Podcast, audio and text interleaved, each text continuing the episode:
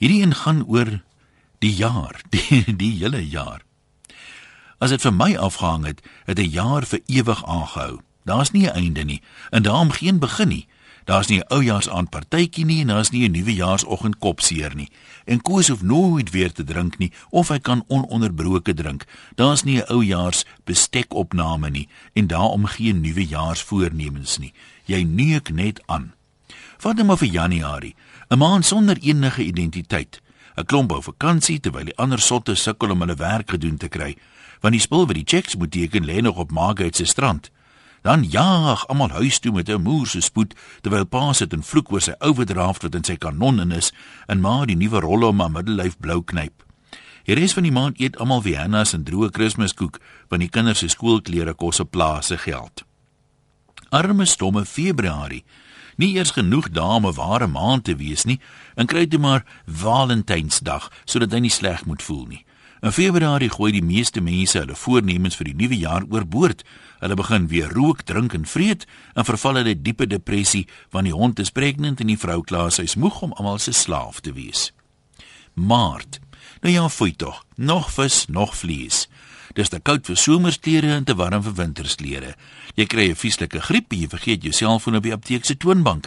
Die rentekoers gaan op en die kind dreig om universiteit op te skop en hom of haarself te gaan soek op 'n pelgrimsreis deur Indië. Graham Smith bedank as die Protea se kaptein want hy wil meer tyd saam met Herschel Gibbs deurbring. Dan is dit April. Immers is daar 'n paar vakansiedae wat die gemoedere opkikker. Die Kaap is te duur en Durban te warm. Dan maar Oudtshoorn toe vir die KAK&K waar jy jou beursie in die buurtuin, jou geduld by die kaartjieskantoor en jou balans by die brandewynstelletjie verloor. By juffrou Wêreld. Die Suid-Afrikaanse spanne bekleed die onderste 5 plekke op die Super 14 punte leer. Ekskuus tog, nie my juffrou Wêreld nie, my Wêreld. Die Suid-Afrikaanse spanne bekleed die onderste 5 plekke op die Super 14 punte leer en die minister van sport sê dinge lyk belovend. 'n Skoolhoof van Pretoria word gevang vir dronk bestuur en sy vrou bieg oor haar dobbelprobleem wat weer op sy beurt tot haar man se gelei het. 'n Bekende gay modeontwerper bevestig dat hy eintlik heteroseksueel is en hy raak verloof aan 'n oud mevrou uit Suid-Afrika. En die creepy crawly slukke oordosis herfsblare in.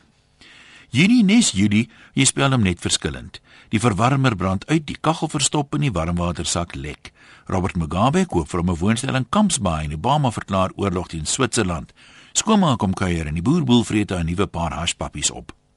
Julie het nog nooit die son gesien nie. Hy dra 'n grys mis, 'n lang pyp onderbroek en stewels wat sy voete laat stink.